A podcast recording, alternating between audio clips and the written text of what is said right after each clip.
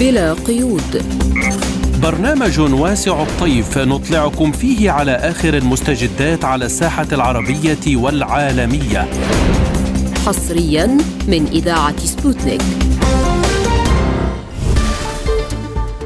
ومن سبوتنيك في موسكو نرحب بكم مستمعينا إلى هذه الحلقة الجديدة من بلا قيود. نقدمها لكم أنا نغم كباس. وأنا عماد الطفيلي والبداية بأبرز العناوين. إسرائيل تدعو حماس لهدنة وصفقة تبادل أسرى زيلينسكي يعترف بأن أوكرانيا ليست مدعوة للانضمام إلى حلف الناتو. الجمعية العامة للأمم المتحدة تصوت لصالح قرار بشأن مكافحة تمجيد النازية بكافة أشكالها. بدء فعاليات المنتدى الروسي العربي في في مراكش. لازلتم تستمعون إلى برنامج بلا قيود. نبدأ التفاصيل من الملف الفلسطيني حيث أفادت وسائل أعلام إسرائيلية بأن إسرائيل أبلغت قطر استعدادها إمكانية الدخول في هدنة إنسانية لمدة أسبوع مقابل الإفراج عن أربعين رهينة لدى حركة حماس في انقطاع غزة. وصرح رئيس الوزراء الإسرائيلي بنيامين نتنياهو أنه يلتزم شخصيا إعادة المحتجزين لدى حركة حماس من قطاع غزة موضحا أنه أرسل رئيس جهاز الموساد مرتين إلى دول أوروبية عدة من أجل العمل على صفقة تبادل أسرى مع حماس والترويج للعملية. بدوره اقترح رئيس بلدية ميتول الواقعة في شمال فلسطين المحتلة ديفيد أزولاي إرسال جميع سكان قطاع غزة إلى مخيمات للاجئين في لبنان. وتسوية القطاع بأكمله بالأرض ليصبح متحفا فارغا يعرض قدرات الجيش الإسرائيلي وأثناء أي شخص عن العيش في القطاع على حد قوله. ولمناقشة هذا الموضوع ينضم إلينا عبر الهاتف مدير مركز حريات للدراسات الدكتور حلمي الأعرج. أهلا بك دكتور حلمي عبر إذاعة سبوتنيك ونسألك إسرائيل عرضت على حماس هدنة لمدة أسبوع مقابل إطلاق سراح أكثر من أربعين رهينة فهل سيتمكن الطرفان من الاتفاق على هدنة جديدة؟ ربما في المآل النهائي يتم التوصل إلى هدنة طويلة المدى أو على الأرجح أكثر أسبوع ولكن بحيث تفتح على وقف دائم ومستدام لإطلاق النار لأن شرط المقاومة الفلسطينية في قطاع غزة ألا تجري عملية تبادل الأسرى تحت النار وهذا ما حاولت حكومة الاحتلال وجيش الاحتلال فرضه على المقاومة هناك آه، عندما انتهكوا الهدن واليوم الأخير آه، آه، للهدنة عندما استؤنف العدوان على قطاع غزة تحت شعار أنه بمزيد من الضغط والقصف ستجبر المقاومة على تلبية شروط آه، إسرائيل في صفقة آه، التبادل لتعلن المقاومة هناك أن لا مفاوضات تحت إطلاق النار؟ وما زال هذا الموقف تتمسك به المقاومة. هناك محاولة من قبل الوسطاء وضغوطات هائلة من قبل الإدارة الأمريكية بما في ذلك على الوسطاء للقبول بهدنة مؤقتة طويلة نسبيا أسبوع أو أسبوعين آه، أو أكثر. آه، التفاوض الآن هنا على الهدنة قبل أن يكون على صفقة التبادل.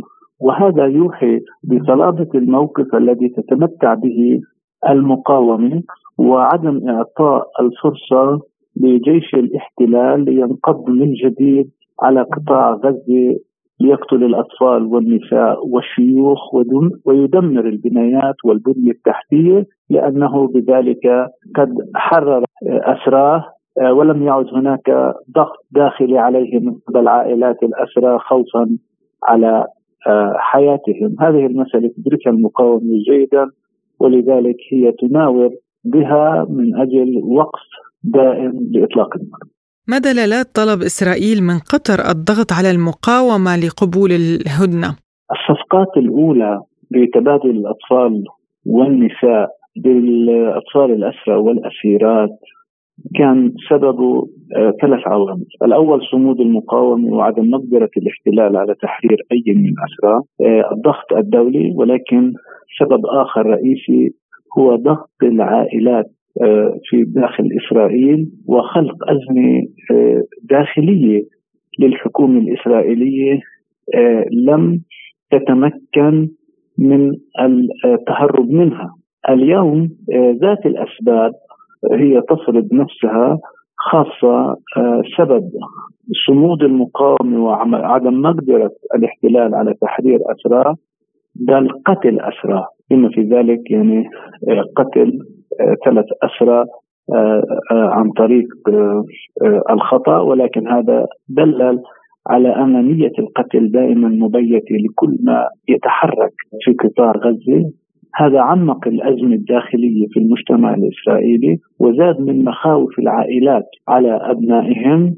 ولذلك هم لجأوا إلى اعتصام مفتوح أمام وزارة الدفاع الإسرائيلية وإضراب مفتوح عن الطعام كذلك وضغوطات جمة على المجلس الوزاري آه، المصغر ولأن الحكومة اعتقدت أن حماس هي من ترضخ والمقاومة من سترضخ آه، اكتشفت أنه لم تصل رسائل من حماس أو المقاومة تتحدث عن إجراء صفقة تبادل لأن الموقف المعلن لها هو عدم إجراء أي صفقة تبادل تحت إطلاق النار وتحت الضغط آه، الإسرائيلي. هذا التحول قيمته بأن المقاومة هي التي يمكن أن تضع شروطها خصوصا في اليوم ال 75 لاستمرار العدوان وحرب الإبادة. آه، آه، أبدت إسرائيل آه، يعني عبر تصريحات علنية استعدادها لدفع ثمن باهظ مقابل تحرير أسراها. وثانيا استعدت فورا إلى هدنة قصيرة المدى.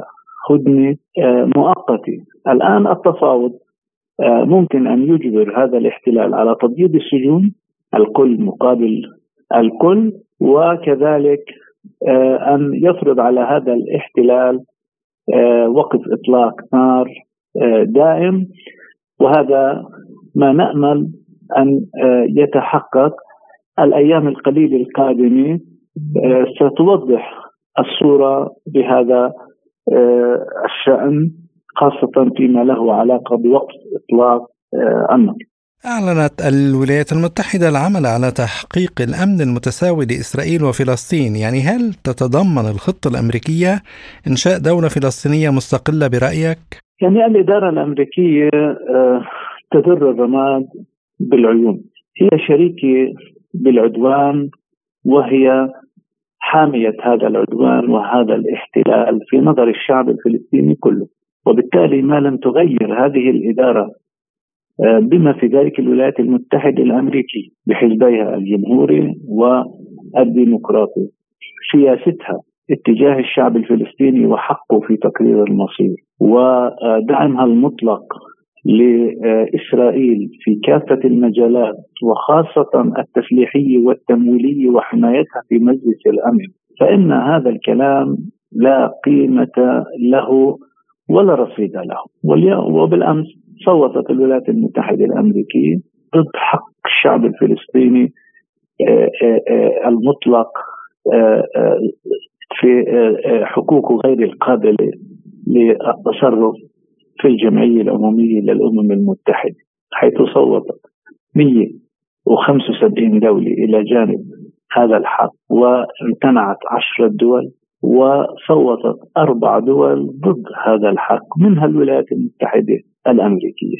هذا يعني بمثابة إدانة واضحة للسلوك السياسي والموقف السياسي للإدارة الأمريكية وهذا يتناقض تماما مع ما تدعيه هذه الإدارة التي تتشدق كل الوقت آه، بأن حل الصراع هو من خلال الدولتين إلى شعبه لماذا؟ لا تكون دولة فلسطينية مستقلة الشعب الفلسطيني كاملة السيادة والحقوق على كامل الأرض المحتلة عام 1967 هذا أولا. ولماذا هذا التلكؤ والتأخير وإعطاء الغطاء لدولة الاحتلال لإبادة الشعب الفلسطيني وكذلك حماية هذا الاحتلال الذي يزرع الأرض بالمستوطنات والمستوطنين. هناك فارق شاسع ما بين هذا الشعار السياسي البراق الذي تستخدمه الإدارة الأمريكية وبين ما يجري على الواقع من خطر الضم والترحيل وحرب الإبادة التي يتعرض لها الشعب الفلسطيني في الضفة والقطاع على حد سواء. دعت أيضا مصر والولايات المتحدة إلى منع تهجير الفلسطينيين من أراضيهم، لماذا ترفض دول الجوار استقبال الفلسطينيين برأيك؟ يعني هناك فرق بين الانتقال الفردي وهذا حق طبيعي لكل مواطن في هذا العالم لكل إنسان في هذا العالم. آه، حقه في حرية الحركة والتنقل والسفر والإقامة. وفق يعني أنظمة يعني آه، الدول كافة. وبين هذا التهجير القسري آه، بالقوة عبر التجويع والقتل والإبادة الجماعية بهدف تدمير الشعب الفلسطيني وتدمير حقوقه الوطنية المشروعة ولذلك نحن نسمي ذلك بجريمة الإبادة الجماعية، إفناء الشعب الفلسطيني وتصفية حقوقه الوطنية المشروعة. لذلك يعني مصر والأردن آه، خوفا من تكرار نكبة 48 ونكسة 1967 يقفون بالمرصاد لهذه السياسة الإسرائيلية المعلنة ما قبل السابع من أكتوبر حيث آه، عرض نتنياهو خارطة أمام الأمم المتحدة بدون فلسطين آه، أي أن دولة الفلسطينيين هي الأردن وهذا يشكل خطر وجودي وديموغرافي على المملكة الأردنية آه، الهاشمية. وكذلك مصر لا تريد يعني يعني تستورد آه، مشكلة بهذا الحجم اسمها القضية الفلسطينية الذي لم يستطع العالم كل العالم أن يحلها. الآن كل العالم مشغول بما يجري في قطاع غزة وبهذا النضال الوطني الفلسطيني الذي أبهر الجميع. فلماذا تكون مصر طرفا في تصفية الحقوق الوطنية المشروعة للشعب الفلسطيني؟ وهي تعتبر أن القضية الفلسطينية هي قضية مقدسة بالنسبة لها وقضية مصيرية آه، للأمتين العربية والإسلامية. وفي مقدمتها مصر أكبر وأقوى دولة عربية قاتلت سنوات من أجل تحرير الأرض الفلسطينية. اليوم الفلسطينيون يتحملون آه، مسؤولية تحرير أوطانهم المطلوب إسنادهم من قبل مصر والأردن وكل الدول العربية. نحن نثمن آه هذا الموقف الأردني المصري الذي يعني يعتبر حاسم في مواجهة الضم والترحيل. آه آه لأن سموتريتش في باريس قبل السابع من أكتوبر قال لا يوجد شيء اسمه شعب فلسطين. هذه غلطة. وبالتالي هم يعني آه، يجسدوا ما قاله نتنياهو عبر خارطته في الأمم المتحدة. وما قاله سموتريتش وخطاب هذه الحكومة الفاشية آه، الأيديولوجي والسياسي. وبرنامجها المعلن هو تصفية هذه الحقوق وتكريس عملية الضم والترحيل. فاقتضى مثل هذا الموقف من مصر والأردن. مدير مركز حريات للدراسات الدكتور حلمي الأعرج شكرا لك على هذه المداخلة. وأيضا للمزيد حول هذا الموضوع تنضم إلينا عبر الهاتف أستاذة العلاقات الدولية والتخطيط الاستراتيجي الدكتورة دلال صائب عريقات. أهلا بك دكتورة في برنامج بلا قيود ونبدأ مما أعلنه أو أعلنته الجهاد الإسلامي بأنها ستتوجه للقاهرة برؤية واضحة هي وقف العدوان وانسحاب قوات العدو من غزة. هل تتوقعين نجاح مصر في تحقيق ذلك؟ يعني بتمنى إنه فعلا الموقف التفاوضي للمقاومة يبقى على ما هو عليه وإنه ما يتم في أي نوع من أنواع الضغط سواء كان من الجوانب الدول الإقليمية أو من أمريكا لأنه إحنا اليوم أمام خيارين عندنا الخيار التفاوضي اللي بيتحدث عن إطلاق الاسرى بشكل عام مع هدن قصيرة أو هدن مؤقتة. وعندنا موقف المقاومة الواضح اللي هم مع إطلاق الاسرى جميعا ولكن مع وقف إطلاق النار الكامل. ضروري جدا إنه المقاومة تحافظ على الموقف التفاوضي هذا وبتأمل فعلا إنه اليوم بنشوف يعني بعد محادثات القاهرة إنه فعلا هذا هو ال ال القرار اللي بتتجه له الدول الوسيطة أو الدول الثنائية الأطراف وغيره لأنه اليوم بعد 75 يوم من جرائم حرب إسرائيلية متكررة ووصول أعداد الضحايا لأكثر من طبعا يعني 25 ألف والدمار دمار البنية التحتية اللي صار حاصل في قطاع غزة عبارة عن كارثة إنسانية هي الكبرى في القرن الواحد وعشرين وبالتالي الحديث عن آه، هدى مؤقتة بطل معقول وبطل يعني مقبول. من ناحية منطقية لصناع السياسة سواء كان على مستوى فلسطيني أو على مستوى دولي، وطبعا ما بدنا ما بدنا ننسى كمان مناشدات الأمين العام للأمم المتحدة، مناشدات اليونيسف، مناشدات الأونروا، أعلنت منظمات الصحية العالمية ومنظمات حقوق الإنسان العالمية بشكل عام عن انهيار المنظومة الدولية في تقديم ما يلزم من مساعدات انسانيه لقطاع غزة، وبالتالي بتأمل فعلا إنه المفاوضات الصفقه تكون عن موقفها الحاسم بضرورة وقف إطلاق النار الفوري. المغرب دعا لتقديم الدعم المالي والسياسي للسلطة الوطنية الفلسطينية فهل سيحظى المغرب بدعم دول أخرى مثل دول الخليج القادرة على تقديم الدعم لفلسطين على المدى الطويل؟ وماذا تفيد هذه المساعدة المالية خلال ظروف الحرب؟ في الحديث عن المسارات الاقتصادية مقابل المسارات السياسية يعني بعد تجربة طويلة آه، أنا من أصحاب المدرسة اللي بينادوا للمسار السياسي قبل المسار الاقتصادي أو المالي لكن بنفس الوقت ما بدي أقلل من قيمة أهمية المساعدات المالية. اليوم السلطة الوطنية الفلسطينية بتعاني. ما بتقدر يعني توفر حتى الرواتب للموظفين لأكثر من آه، يعني أشهر طويلة. وبالتالي آه، المستوى المعيشي أو قدرة العائلات الفلسطينية أو المواطنين الفلسطينيين موظفين الدولة على تلبية احتياجاتهم الأساسية كعائلات أو كمواطنين أصبحت السلطة الفلسطينية عاجزة عن توفيرها. وبالتالي هي بحاجة لهذا الدعم المالي ولكن في ظل مرة أخرى الكارثة الإنسانية اللي بتعاني منها قطاع غزة أكيد رح يكون الصوت الواحد هو ضرورة يعني آه، إنقاذ غزة بالبداية، ضرورة اطلاق النار في قطاع غزة، ضرورة إنه وضع كل الضغوطات والأصوات الدبلوماسية سواء كانت بالثقل العربي أو بالثقل الإقليمي بالضغط على دولة الاحتلال والضغط على أمريكا أيضا بأنه نتجه نحو وقف إطلاق النار وتقديم المساعدات الإنسانية التي يحتاجها قطاع غزة. يعني في الحديث عن الأولويات أكيد ترتيب الأولويات واضح بالنسبة للبداية مع قطاع غزة وقت اطلاق النار وتقديم كل ما يلزم للاهالي في القطاع، لكن هذا أيضا لا يلغي المأساة برضه اللي بيعانيها المواطنين الفلسطينيين في الضفة الغربية. وأكيد هي لا تقارن أمام جرائم الحرب اللي بترتكبها الاحتلال ضد المواطنين الفلسطينيين في قطاع غزة. أستاذة العلاقات الدولية والتخطيط الاستراتيجي الدكتورة دلال صائب عريقات شكرا لك على هذه المداخلة. لازلتم تستمعون إلى برنامج بلا قيود. وفي ملف الأزمة الأوكرانية أعلن الرئيس الأوكراني فلاديمير زيلينسكي في مؤتمر صحفي أن الافتراضات القائلة بأن أوكرانيا لن تتمكن من الانضمام إلى حلف شمال الأطلسي إلا في تلك المناطق الخاضعة لسيطرتها حاليا لا أساس لها من الصحة وبهذا الشكل لا أحد يدعو كييف إلى التحالف وأضاف لسنا مدعوين إلى حلف شمال الأطلسي. واعترف زيلينسكي أيضا بأن الاتصالات مع الدول الغربية بشأن الضمانات الأمنية الثنائية تسير بشكل أبطأ قليلا من المتوقع لأن أوكرانيا لم تقدم لهم بعد مقترحات بشأن المكونات العسكرية لهذه الضمانات. وقال الرئيس الروسي فلاديمير بوتين خلال اجتماع موسع لمجلس وزارة الدفاع إن محاولات الغرب لإلحاق هزيمة عسكرية بروسيا باءت بالفشل.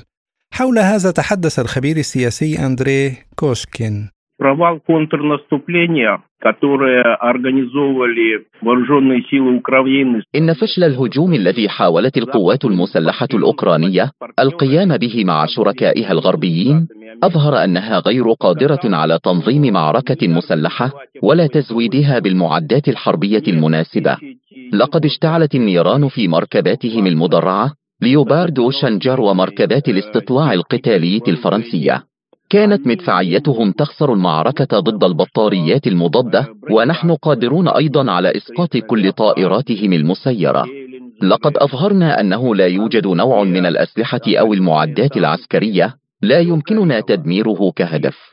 وهذا أظهر للعالم بما في ذلك للخبراء الذين يقومون بتحليل سوق الأسلحة العالمية أن الدول الغربية ليست رائدة في إنتاج أسلحة عالية الجودة ونحن ندمر معداتهم لأن أسلحتنا ومعداتنا العسكرية هي الأفضل.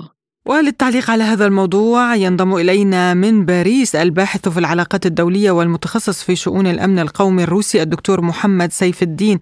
أهلا بك دكتور في حلقة اليوم من برنامج بلا قيود يعني إعلان الرئيس الأوكراني أن أوكرانيا ليست مدعوة للانضمام إلى حلف شمال الأطلسي هل هذا يعني أن الحلف لم يخطط منذ البداية لقبول أوكرانيا في صفوفه؟ ما بدا منذ بداية هذه الأحداث في روسيا وليس في يعني قبل سنتين فقط ولكن قبل ثمان سنوات أو تسع سنوات في العام 2014 حين يعني دفعت كييف إلى هذه المواجهة مع روسيا في بداياتها. كان واضحا أن حلف شمال الأطلسي يريد استخدام آه، كييف في مواجهة روسيا وليس آه، متحمسا بشكل آه، حاسم لمسألة انضمامها إلا إذا تمت من دون كلفة عالية. وهذا الأمر الذي لم تسمح به روسيا من خلال العملية العسكرية الخاصة. أعتقد أن أداء روسيا في هذه العملية العسكرية الخاصة على المستويين العسكري بشكل مباشر وعلى مستوى الاستراتيجيه الشامله الروسية بخصوص التعاطي مع الغرب منع الغرب من ضم أوكرانيا إلى إلى حلف شمال الأطلسي بالدرجه الأولى. وقلنا هذا الكلام عبر إذاعتكم منذ سنتين حين يعني كنا نتحدث عن إمكانية انضمام كييف إلى حلف شمال الأطلسي وقلنا أن هذا الأمر غير ممكن بطبيعة الأشياء التي تجري هناك وبطبيعة المواقف الدولية وها نحن الآن أمام هذه يعني الحقيقة بالنسبة لقادة كييف. يعني كما أفادت وسائل إعلام غربية الغرب لم يكن ينوي تزويد كييف بأسلحة من شأنها أن تعطي ميزة على الاتحاد الروسي. يعني هل يخشى الغرب برأيك المواجهة المباشرة مع روسيا؟ هدف الغرب من هذه المواجهة هو هزيمة استراتيجية لروسيا أو إنهاك روسيا بشكل أن لا تكون قادرة على منافسة الغرب في أي من المجالات الاستراتيجية وفي الصراع العالمي الدائر الآن بين الغرب من جهة وتحديدا الولايات المتحدة وبين القوى الصاعدة والقوى الشرقية من جهة أخرى، هذا الهدف الكبير، مسألة تزويد أوكرانيا بأسلحة نوعية تحقق التوازن أو تكسر التوازن مرتبطة بالتوازن العسكري الميداني وبالتوازن الاستراتيجي بين القوى العظمى وروسيا اتخذت مواقف منعت الغرب من هذا من من الذهاب إلى هذا الأمر لأن الذهاب نحو هذا المستوى من التسليح كان يمكن أن يؤدي إلى صدام مباشر وهذا عبر عنه القادة الروس إن كان عبر ميدفيديف أو عبر الرئيس بوتين أو عبر وزارة الخارجية مرارا وتكرارا وعبر وزارة الدفاع أيضا. الرسائل خلال السنتين الماضيتين من المستوى السياسي الروسي كانت واضحة بشأن الاحتمالات التي يمكن أن تذهب إليها الأمور في حال تسليح أوكرانيا بهذا المستوى من التسليح بالإضافة يعني بالموازاة كل ذلك النتائج الميدانية التي كانت تبرز للاسلحه الغربية التي تعطى لكييف لم تكن تشجع على مد كييف بالمزيد من الأسلحة وبمستوى أعلى لأن كل نوع من الأسلحة كان يعني في الميدان يختبر كان يواجه مشكلات كبيرة جدا بالردود الروسية التي يعني تحتوي هذا النوع. يعني أيضا آه، بالنظر إلى مواقف مجلس الشيوخ الأمريكي فإن زعيما هذا المجلس قررا عدم إرسال حزمة مساعدات جديدة هذا العام لكييف على الرغم من إلحاح البيت الأبيض.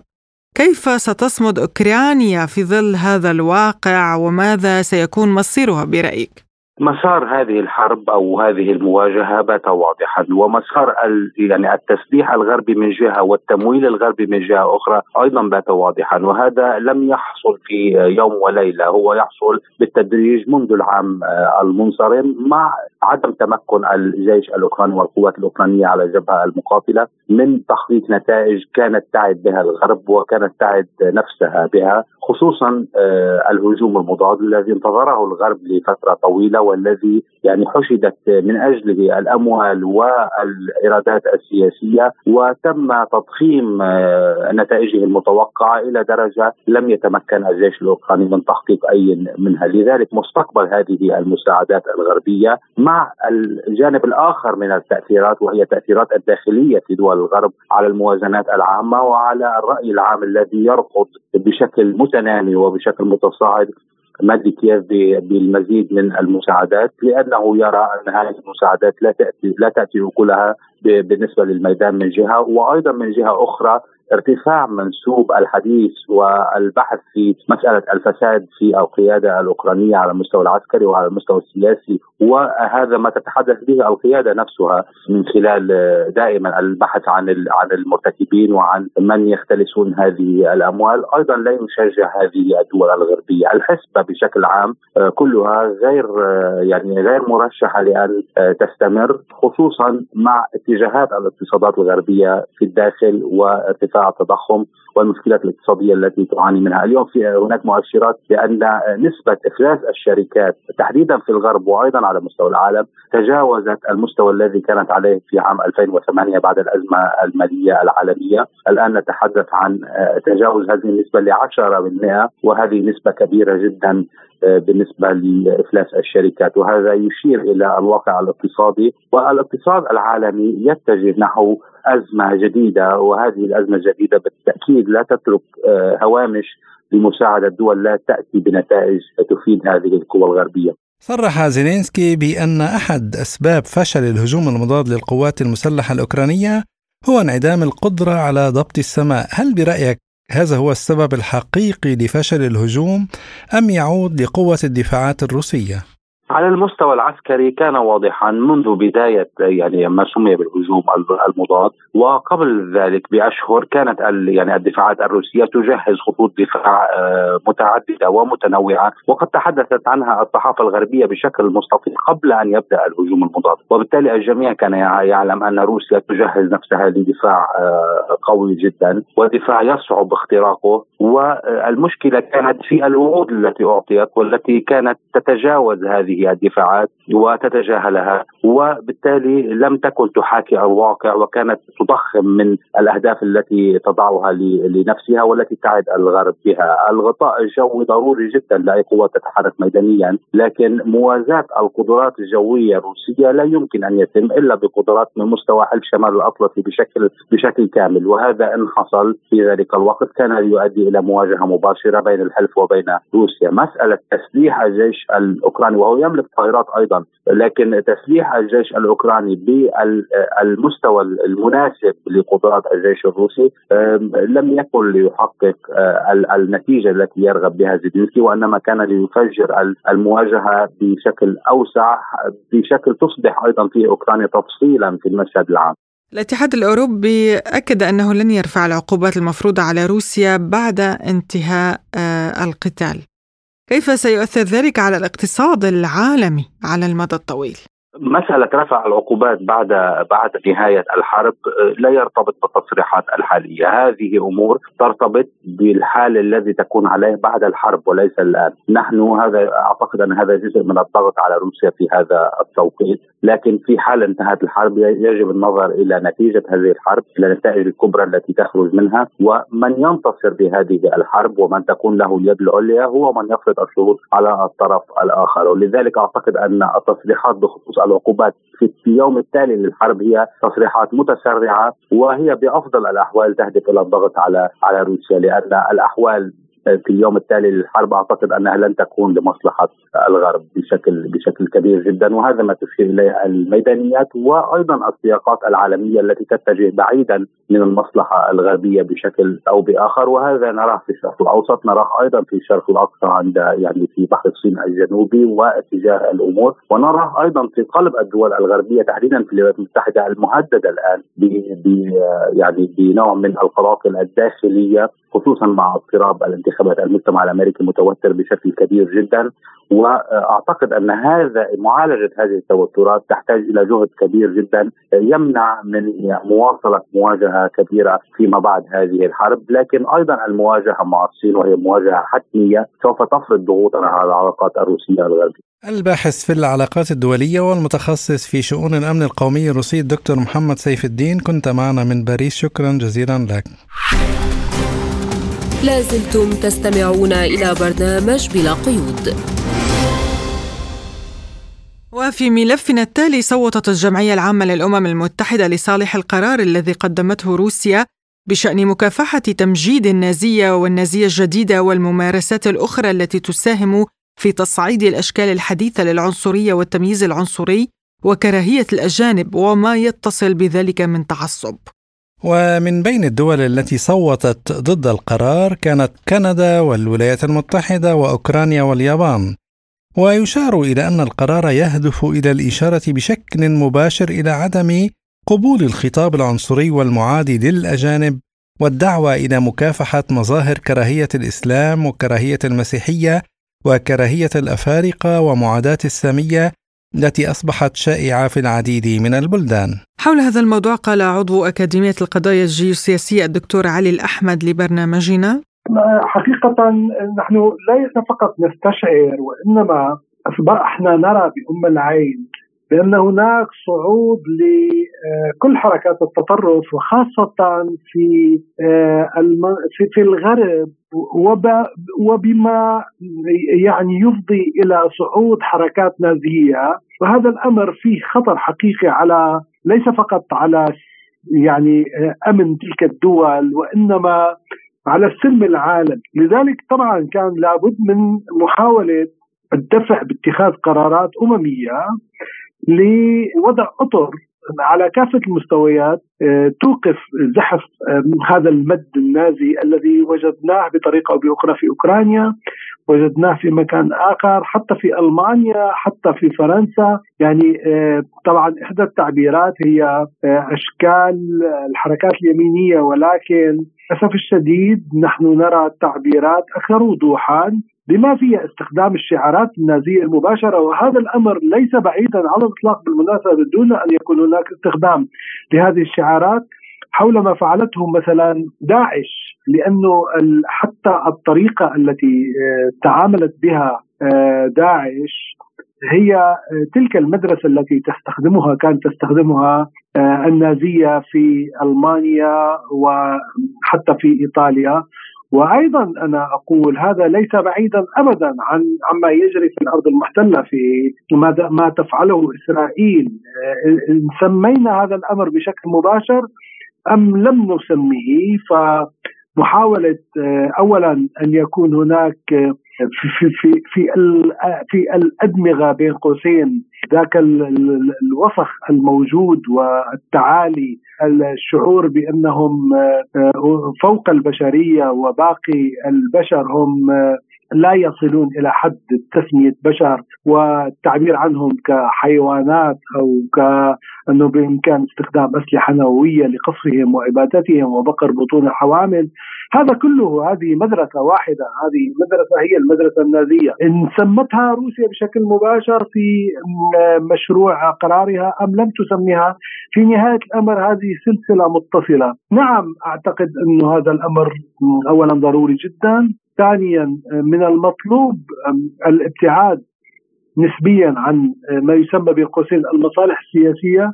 بين الدول للارتفاع آه، إلى المنظومة القيمية التي يفترض أن تصل بين الأمم بين الشعوب وأن تسمى الأشياء نسبيا بأسمائها بغض النظر عن أنا أدرك في بعض الأحيان أنه يمكن أن يكون هناك تداعيات على مستوى الداخل لبعض الدول ولكن للأسف الشديد هذه التداعيات هي أقل خطورة بكثير مما يجري في العالم خاصة مما يجري في فلسطين وما جرى في آه، سوريا من آه، محاولة نشر فكر داعشي وكذلك الأمر في العراق ووصولا إلى غيرها من المناطق.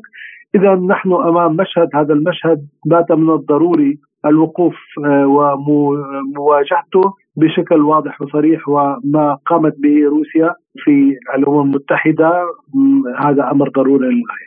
وفيما يخص تحويل المجتمع الدولي انتباهه أخيرا نحو أوكرانيا حيث تنتشر النازية الجديدة على نطاق واسع وتزدهر بنشاط يقول الدكتور علي الأحمد.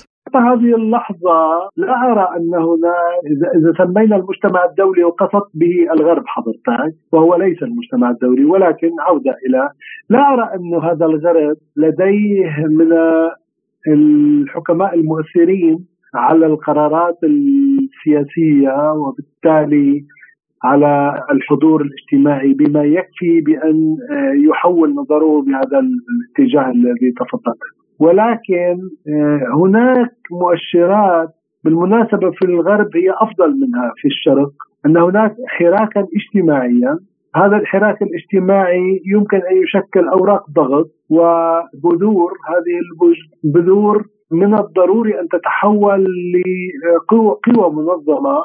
وهذه القوى المنظمة يمكن عندها أن تستفيد من تلك الأوراق أو تلك المشاريع التي قدمتها روسيا أو قدمتها الصين أو غيرها من الدول لمواجهة آه، الفكر آه، بين قوسين أيضا آه، أو التوجهات النازية والحراك اليميني المتطرف الراديكالي في غيرها من الدول. فبالتالي يعني أنا أعتقد إنه دول الشرق يجب عليها ألا تستكين فقط لمواقف حكوماتها الإيجابية السياسية وإنما أيضا أن يكون هناك رديف لهذه السياسات بحراك مجتمعي يضيف إلى هذا الحراك السياسي والدبلوماسي وحتى إلى الأفعال التي تقوم بها روسيا أو غيرها. آه، ويعني طبعا هذا هذه ليست دعوة لأي حالة من حالات الفوضى وأن يكون هناك إمكانية أن يستثمر أي حراك بفوضى ولكن وأنا أدرك أنه الغرب يمكن له أن يفعل ذلك ولكن مع ذلك يجب علينا أن نكون آه، دقيقين وبنفس الوقت أن نكون ناشطين اجتماعيين. الغرب ذاك الغرب الذي تتفضل به لا ولكن أنا أعيد وأكرر مثلا كاتب مثل نعوم تشومسكي أو آه، آه، ما بدأت تكتبه مثلا الواشنطن بوست أو غيرها من المؤسسات الإعلامية في الغرب. ونرى أنه يعني هناك محاولات يعني ليس نقد ذاتي وإنما محاولات. هم ليس تافا هذا الأمر يفعلونه عندما يعتذرون عن خطأ ما ارتكبوه إلى آخره ولكن هم يفقدون جماهيرية يعني مصلحتهم أن أن يكون هناك قراء لهم. فبالتالي علينا أن نستثمر هذه الأمور حتى يكون هناك موقفا ليس من المجتمع الدولي وإنما من الغرب بحد ذاته لأنه الغرب بدأ يفقد الكثير من آه، تلك المنظومة القيمية التي كان ينادي بها من حرية تقرير مصير إلى حقوق انسان إلى ديمقراطية إلى حتى حالة ليبرالية تحافظ على حقوق الفرد. هذا كله هم يعادونه الآن فيما يفعلونه في غزة وفي دعمهم للحركات الحركات المتطرفة مثل دعمهم لداعش وغيرها من الحركات وحتى خلقها. وفيما إذا كان مثل هذا القرار يخفف التوترات في البلدان التي تشهد صراعات بين الأديان والأعراق يقول الأحمد. يعني إذا لم يتمكن بشكل مباشر ولكن على المدى المتوسط طبعا يمكن أن يكون له أثر كبير جدا. طبعا طبعا ممكن. يعني لا يجب علينا ألا نستهين يعني القرار الأممي قرار معلن وهو دائما له له مفاعيل إعلامية اجتماعية كبيرة جدا. لذلك يجب علينا أن نستهين في مثل هذه القرارات الأممية. نعم أنا أعتقد صحيح هي ليست صادرة عن مجلس الأمن ولكن طبعا له مفاعيل كبيرة ويمكن أن يكون له تأثير كبير طبعا. سمعنا إلى عضو أكاديمية القضايا الجيوسياسية الدكتور علي الأحمد. لازلتم تستمعون إلى برنامج بلا قيود. وإلى افتتاح الدورة السادسة للمنتدى العربي الروسي بمراكش المغربية حيث قال وزير الخارجية المغربي ناصر بوريطة إن العالم العربي يرى في روسيا شريكا قادرا على القيام بدور بناء في القضايا العربية. وحسب ما أفاد به مراسل سبوتنيك أضاف بوريطة في كلمته في افتتاح المنتدى أن الوقت قد حان للتعامل العربي وفق مقاربة مغايرة بشأن قضاياه مقاربة مبنية على الشراكة الحقيقية وقوامها التنسيق السياسي والحرص المشترك على حفظ الأمن والسلم في المنطقة. بدوره قال وزير الخارجية الروسي سيرجي لافروف إن واشنطن تهدف لإضعاف الدول التي تراها منافسة لها السؤال الآن يتعلق بمدى القدرة على تشكيل النظام العالمي القائم على الشراكة والمصالح أو ستستمر واشنطن بفرض أجندتها وهيمنتها. ولنستمع أيضا إلى ما صرح به وزير الخارجية السوداني علي الصادق في تصريحات خاصة لسبوتنيك عن علاقات روسيا مع العالم العربي. هو بما أن روسيا دولة صديقة للدول العربية للعالم العربي كله لديها علاقات في مختلف المجالات مع دول المنطقة شيء طبيعي أن ينعقد مثل هذا المنتدى بين فترة وأخرى من أجل النظر في تمتين هذا التعاون ما بين روسيا والعالم العربي وترقيته بما يعود بالمصلحة المشتركة الطرفين. قطعا في كل المجالات هناك روسيا دولة عظمى دولة لديها إمكانيات ضخمة لديها تكنولوجيا متقدمة وبالتالي يمكن لكل دولة لأي دولة عربية الاستفادة من هذا الوضع هذا الذي تتمتع به روسيا. في السودان على وجه الخصوص نحن علاقاتنا قديمة مع روسيا وكانت وما زالت علاقات قوية. ونزعة على المستوى الثنائي وعن طريق هذا المنتدى من أجل ارتقاء هذه العلاقات لأبعد مدى ممكن. هناك حرب فرضت على الحكومة السودانية، حرب فيها كثير من القدر والخيانة على الدولة وعلى المواطن السوداني، انتقلت أصلا الحرب من ما بين المتمردين والجيش السوداني إلى حرب ما بين المتمردين والمواطن السوداني العادي، بحيث احتلت منازل المواطنين ونهبت ممتلكاتهم وتم احتلال المستشفيات وتدمير البنوك والبنى التحتية وبالتالي كان لابد الإزامة على الجيش السوداني على أساس أنه هو الذي يحمي الدولة وسيادتها ويحمي بقاء الدولة من محاربة هذا التمرد. تجري العملية العسكرية كما ينبغي لها وفي نفس الوقت هناك فرصة للحوار. لدينا مبادرة في جدة ترعاها الولايات المتحدة والمملكة العربية السعودية. وهناك مبادرة أخرى ترعاها الإيجاد والاتفاق الاتحاد الإفريقي. وهذا يؤكد أنه الحكومة السودانية ساعية لإيجاد حل سياسي للحرب في السودان. العلاقات ما بين السودان والمغرب علاقات قديمة جدا جدا علاقات راسخة علاقات آه لم تشهد أي توتر أو أو أو آه مشاكل ما بين البلدين وستبقى نحن متعاون السودان والمغرب متعاونون على المستوى الثنائي وعلى مستوى المحافل الإقليمية والدولية.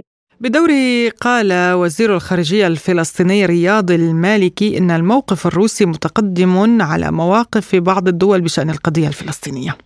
اولا المنتدى الروسي نحن نريد أن نحافظ عليه كما نحافظ على المنتدى العربي الصيني المنتدى العربي الأوروبي وغيره لأن نحن كدول عربية نحن نريد أن نحافظ على علاقاتنا مع جميع الدول بغض النظر على مواقفها. الموقف الروسي موقف متقدم مقارنة بمواقف دول كثيرة ونحن كلجنة وزارية عربية إسلامية مشتركة زرنا موسكو كجزء من زيارتنا لعديد من الدول خاصة عواصم الدول الدائمة العضوية في مجلس الأمن. وبالتالي نحن نعتقد أن لقائنا مع لافروف يوم غد سوف يضيف أيضا على تلك الجهود المشتركة التي قمنا بها في الإطار العربي الإسلامي المنتدى لن يخرج بقرار جديد بأي حال من الأحوال. المنتدى هو سوف يعزز العلاقة العربية الروسية وسوف يخرج بيان مشترك حول الرؤية المشتركة من العديد من القضايا بما فيها ما يحدث حاليا في قطاع غزة وفي بقية الأرض الفلسطينية المحتلة. لازلتم تستمعون إلى برنامج بلا قيود. وإلى ملفنا التالي أشارت بيانات منظمة الأمم المتحدة للتربية والعلم والثقافة اليونسكو إلى أن أعداد الصحفيين العاملين في مناطق النزاع تضاعفت تقريبا مقارنة بالسنوات الثلاث الماضية حيث بلغ إجمالي القتلى في الربع الأخير فقط من عام 2023 27 حالة في مناطق النزاع وهو الربع الأكثر دموية منذ عام 2007 ووفقا لليونسكو قتل 65 صحفيا أثناء ممارسة مهنتهم في العام الحالي مقارنة ب 88 في العام السابق. ولكن في هذا الصدد قالت أودرا أزولاي المديرة العامة لليونسكو هذا يخفي ظاهرة مثيرة للقلق وهي الزيادة الكبيرة في عدد الصحفيين الذين قتلوا في مناطق النزاع لذلك أشيد بجميع هؤلاء الإعلاميين وأجدد دعوتي لجميع الجهات المعنية إلى حشد السبل اللازمه لضمان حماية الصحفيين باعتبارهم مدنيين على النحو المنصوص عليه في القانون الدولي. وواجه الصحفيون الكثير من التهديدات الأخرى مثل الاعتداءات الجسدية والاعتقالات ومصادرة المعدات أو منع الوصول إلى مواقع أعداد تقارير. كما استطاع عدد كبير منهم الفرار أو تم توقيفهم عن العمل ما يؤدي إلى ظهور ما تصفه اليونسكو بمناطق الصمت في عدد كبير من الدول التي تشهد صراعات مع ما يترتب على ذلك من عواقب خطيرة على القدرة على الوصول إلى المعلومات سواء بالنسبة للسكان المحليين أو بالنسبة لبقية العالم. وللمزيد حول هذا الموضوع ينضم إلينا عبر الهاتف عضو مجلس نقابة الصحفيين الأردنيين الأستاذ خالد القضاة أهلا بك أستاذ خالد في برنامج بلا قيود يعني منظمة اليونسكو أفادت أن عدد الصحفيين الذين قتلوا تضاعف آه، خلال السنوات الثلاث الماضية ما هي الآليات الدولية برأيك التي يجب وضعها لحماية الصحفيين؟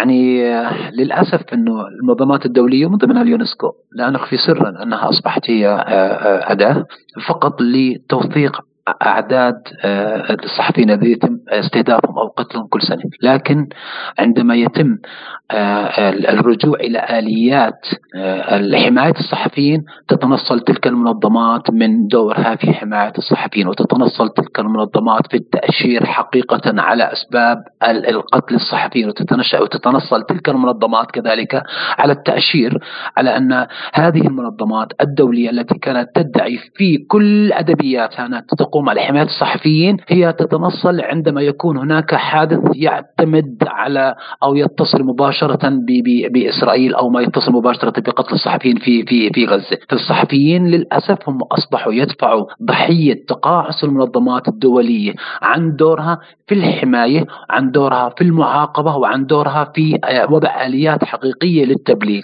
فأصبح دور تلك المنظمات تحول من حماية الصحفيين ومنع قتلهم إلى أن أصبحت حاليا هي فقط للعد وفقط لأغراض الإحصائية وفقط لأغراض إصدار تقارير سنوية لكن هل هذه التقارير آه، آه، وانتقاد تلك المؤسسات أو أو الآلية التي عملت فيها تلك المؤسسات في في سميه إحصاء وتوثيق مقتل الصحفيين هل أدت تلك الآليات إلى انخفاض هذا العدد؟ لا.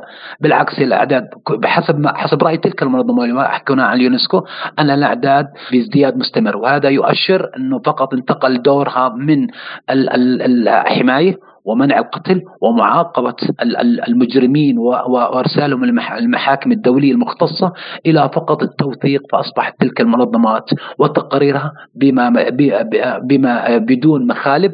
يعني بمعنى اقتلوا الصحفيين استهدفوا الصحفيين أينما وجدتموهم.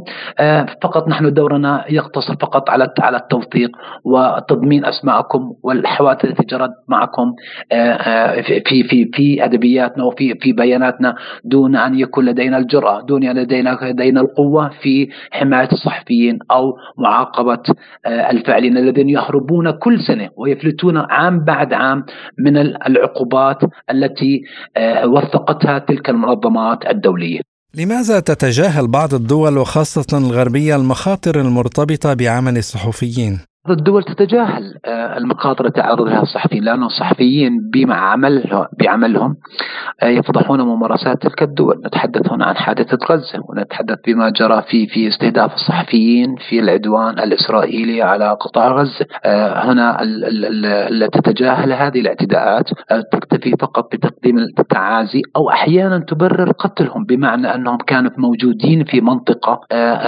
منطقة إطلاق نار تتبرر يعني أحيانا تحاول أن تكون أن أن, أن تقاريرهم أحيانا أن تكون هي تؤشر أنها منحازة إلى طرف ضد طرف ثاني. آه، بمعنى أنها أنها تجيز آه، آه، قتل الصحفيين ولكن عليها أن تكون لدى تلك المنظمات طرق أخرى للرصد؟ هل هذا الصحفي منحاز أو غير منحاز؟ هل المصطلحات التي تستخدمها الصحفي هي هي تخدم قضيته تخدم وجهة نظر نظر تلك الدولة؟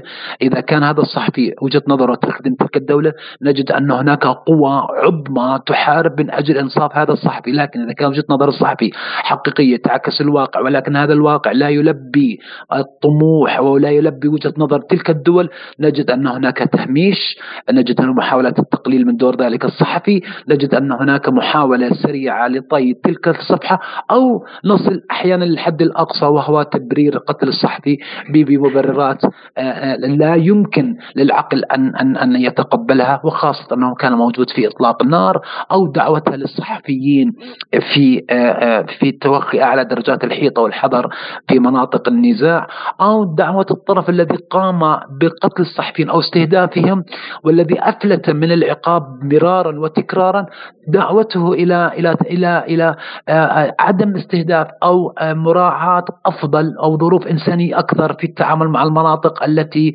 آه، يمكن أن يتواجد فيها الصحفيين لتغطية الأحداث. هذه ازدواجية معايير مختلفة. للأسف هي لم تطل فقط قضايا حقوق الإنسان بل بل طالت كذلك الصحفيين المدافعين عن حرية الناس بالحياة المدافعين عن حرية الناس بتقرير مصيرهم. المدافع كذلك عن حرية المجتمع الدولي بالمعرفة الحقائق من خلال البث المباشر والنقل الوقائع كما هي من الأرض. لكن هذه الوقائع هذه المبادئ التي يحاول الصحفيين أن ينحازوا لها هي لا تعجب. بعض القوى فهي تأتي بأساليب جديدة في محاولة طي تلك الصفحات استهداف الصحفيين. وهذا يبرر كمان مرة أخرى أن الصحفيين سيبقوا هم عرضة للقتل لأن اليات حتى لو وجدت لكنها تطبيقها يأتي بمزاجية تلك الدول فهي تنحاز ضد صحفي ضد صحفي آخر ولكنها آه، لا لا لا لا, لا تراعي آه، أساسيات العمل الصحفي إنه هذا الصحفي وجوده ضروري لحماية الحقيقة ولحماية حق الناس في المعرفة ولوقف تلك والكشف الانتهاكات وعدم استمرار آه، الحروب التي بالعادة هي أداة لإبادة بشرية متواصلة وتحاول كذلك أن يكون لديها صحفيين بالجانب الآخر يبرروا حتى الآلات التدمير والحرب وتبرير كذلك مبطن لاستهداف الصحفيين الذين وجدوا بالصدفة أو لأنهم هم الذين اختاروا أن يقفوا في أماكن استهداف عسكري. عضو مجلس نقابة الصحفيين الأردنيين خالد القضاة كنت معنا من عمان. شكرا لك على هذه المداخلة.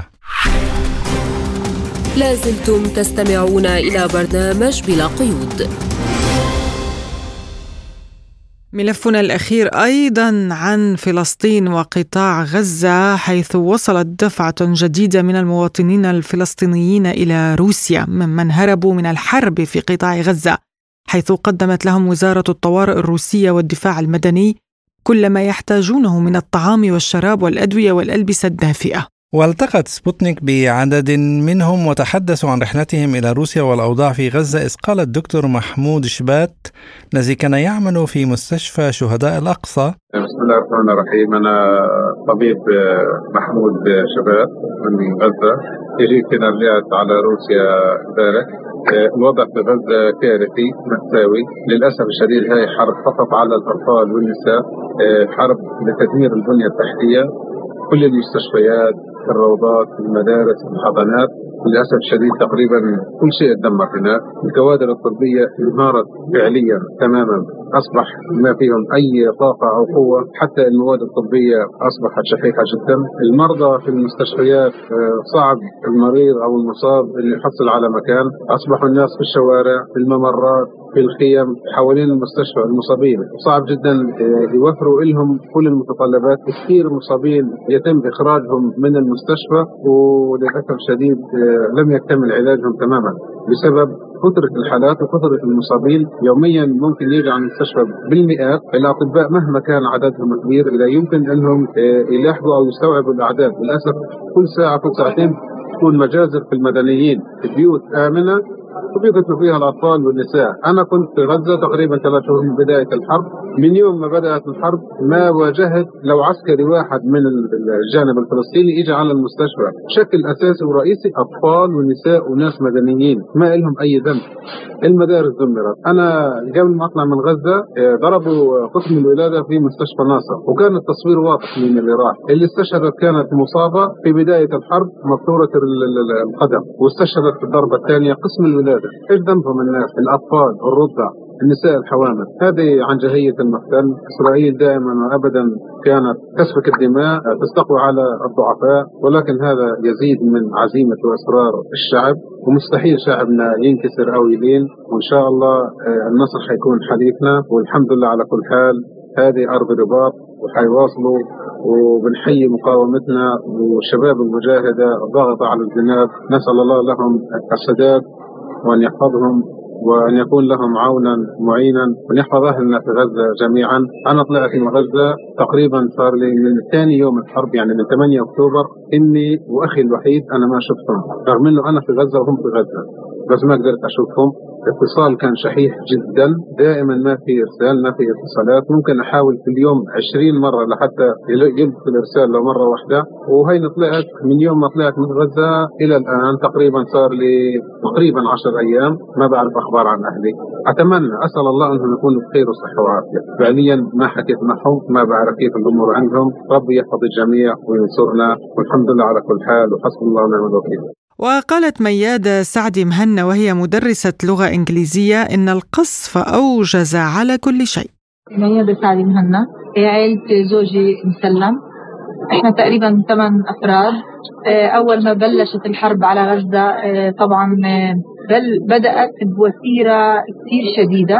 وكان قصف مستمر متواصل وكنا متوقعين إنه المكان اللي إحنا فيه يعني أمان. لقينا القصف عشوائي بعدين صار يرموا مناشير اللي هي آه، تهديد اطلعوا من بيوتكم اللي هو بعد مدينة غزة مدينة مكتظة بالسكان مدينة حيوية هي متنفس أصلا الغزيين. فبالتالي بدأت إشراء ثانية. صار الكل يطلع آه، طبعا آه، حاملين اولادهم فقط لا غير اللي عنده سيارة كان يطلع اللي ما عنده كان يمشي مشي سيرا على الأقدام لأنه ما فيش تقريبا كان الوقود نفذ الكهرباء طبعا من أول يوم حرب قطعت. آه، فيش أي معالم كانت في الحياة بدأ القصف عشوائي فانتقلنا لمنطقه ثانية اللي هو قالوا توجهوا إلى الجنوب. والرغم من ذلك برضه تعرضنا لقصف شديد وتهديد واللي راحوا على مدينة خانوت رجعوا ثاني اتهجروا على آه، رفح. اللي لقى له ناس بيعرفهم راح عنده واللي ما لقى له آه، طبعا مصيره خيمه الشوارع بالعراء في مدارس اللواء ومدارس اللواء كمان تعرضت للخطف الشديد.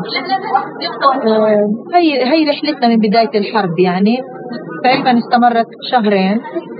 فأنا ك مواطنة يعني إلي أهل إلي ماما تحمل جنسية روسية إخواتي الثلاثة. طالبوا إنهم طلبوا السفارة إنه يسحبوا بنتهم وأولادها يعني حفاظا على حياتهم. أدرجت أدرج إسمي بكشف الروسي حاولت أول مرة واجهت كثير صعوبة. ارتفضت من الجانب الفلسطيني. قالوا لي طبعا أول مشكلة أنت نزلوا اسمك ما منزلين أولادك ولا زوجك بناء على إيش روسي ارجعي. ثاني مرة حاولت قلت لهم أنا لازم أفوت ولادي معايا وأنا بلغوني إني أنا مش عندي مشاكل حياخذوا ولادي. المندوب الروسي قال تيجي وتطلع وإحنا حنيجي عشانها وناخذها هي وأولادنا. بدورها أعربت رنا مهنا عن أملها بلقاء زوجها وأولادها الثلاثة بعد منعهم من التوجه معها إلى روسيا. الظروف التي مررتم بها العبور نحو روسيا كيف هو الوضع في غزة؟ هنا كثير كثير صعب سيء جدا مرعب جدا مقلق جدا خوف ورعب وقلق ودمار وقصف وحرب والاشياء آه، الأساسية بالحياة عندنا انعدمت نهائي تقريبا تقريبا مش تقريبا هو أكيد إحنا جينا للعصر الحجري. لا مية لا كهرباء حتى نطبخ مش لاقيين غاز نطبخ أقل شيء ثبت ما فيش مثلا نعمل لأولادنا نعمل لهم أكل. حتى جينا لطريقه بدائية بالأكل. كل طريقة وجود إحنا جينا لها لأنه انعدمت الأساسيات الحياة عندنا. تعب قصف دمار. طلعنا من بيوت تركنا بيوتنا بعد عمر يعني تركنا. مش أقول لك يعني الوضع صعب جدا. إحنا بعدين ماما أنا من روسيا حاولوا أهلي يسحبونا أنا عندي ثلاث شباب وبنوتة طلعنا على المعبر وحرام يعني الوقت الروسي رحب بالاولاد وقبلوهم وبعدين رفضوا انه يفوتوا ثلاث شباب عندي 24 سنة و22 سنة و20 سنة. فأنا قررت إن أنا أفوت لأنه حسب ما أقنعوني الجانب الروسي إنه إن شاء الله إذا أنا فتت هم وعدوني يجيبوا لي إياهم. فأنا بناء عليك أنا فتت يعني أنا ما بقدرش أحكي لأولادي وما بعدت عنهم. هم وعدوني يجيبوهم إن شاء الله خير. وأكدت الطالبة ريما مسلم أن إسرائيل دمرت الجامعة الإسلامية بالكامل. ريما مسلم آه، كنت طالبة في الجامعة الإسلامية في غزة بدرس خاصة ومتنقلة في السورة البشرية. آه، طبعا القوات الإسرائيلية دمرت جامعتنا آه، مع إنه ما فيها أي أي عناصر لحماس ولا أي شيء وطبعا هلأ إحنا بقينا من دون جامعة من دون ما بنعرف كيف بدنا نكمل مشوارنا الدراسي. والجانب الروسي طلعنا من غزة. وإحنا هلأ إجينا هنا. كيف الوضع بغزة؟ طبعا الوضع بغزة لا يرثى له. ما في أكل ما في مية في صعوبة كل حاجة مقومات الحياة شبه معدومة أو هي معدومة أصلا. إيه طبعا إحنا طلعنا وبابا وأخويا ضلهم بغزة ما ما أجوا معانا. وإحنا كنا بنتامل إنه هي يجوا معانا بس للأسف ما ضبطوا إن شاء الله نطمن عليهم استمعنا إلى عدد من الفلسطينيين الذين هربوا من غزة إلى روسيا. إلى هنا مستمعينا الكرام تنتهي حلقة اليوم من برنامج بلا قيود. شكرا لإصغائكم وإلى اللقاء. بأمان الله.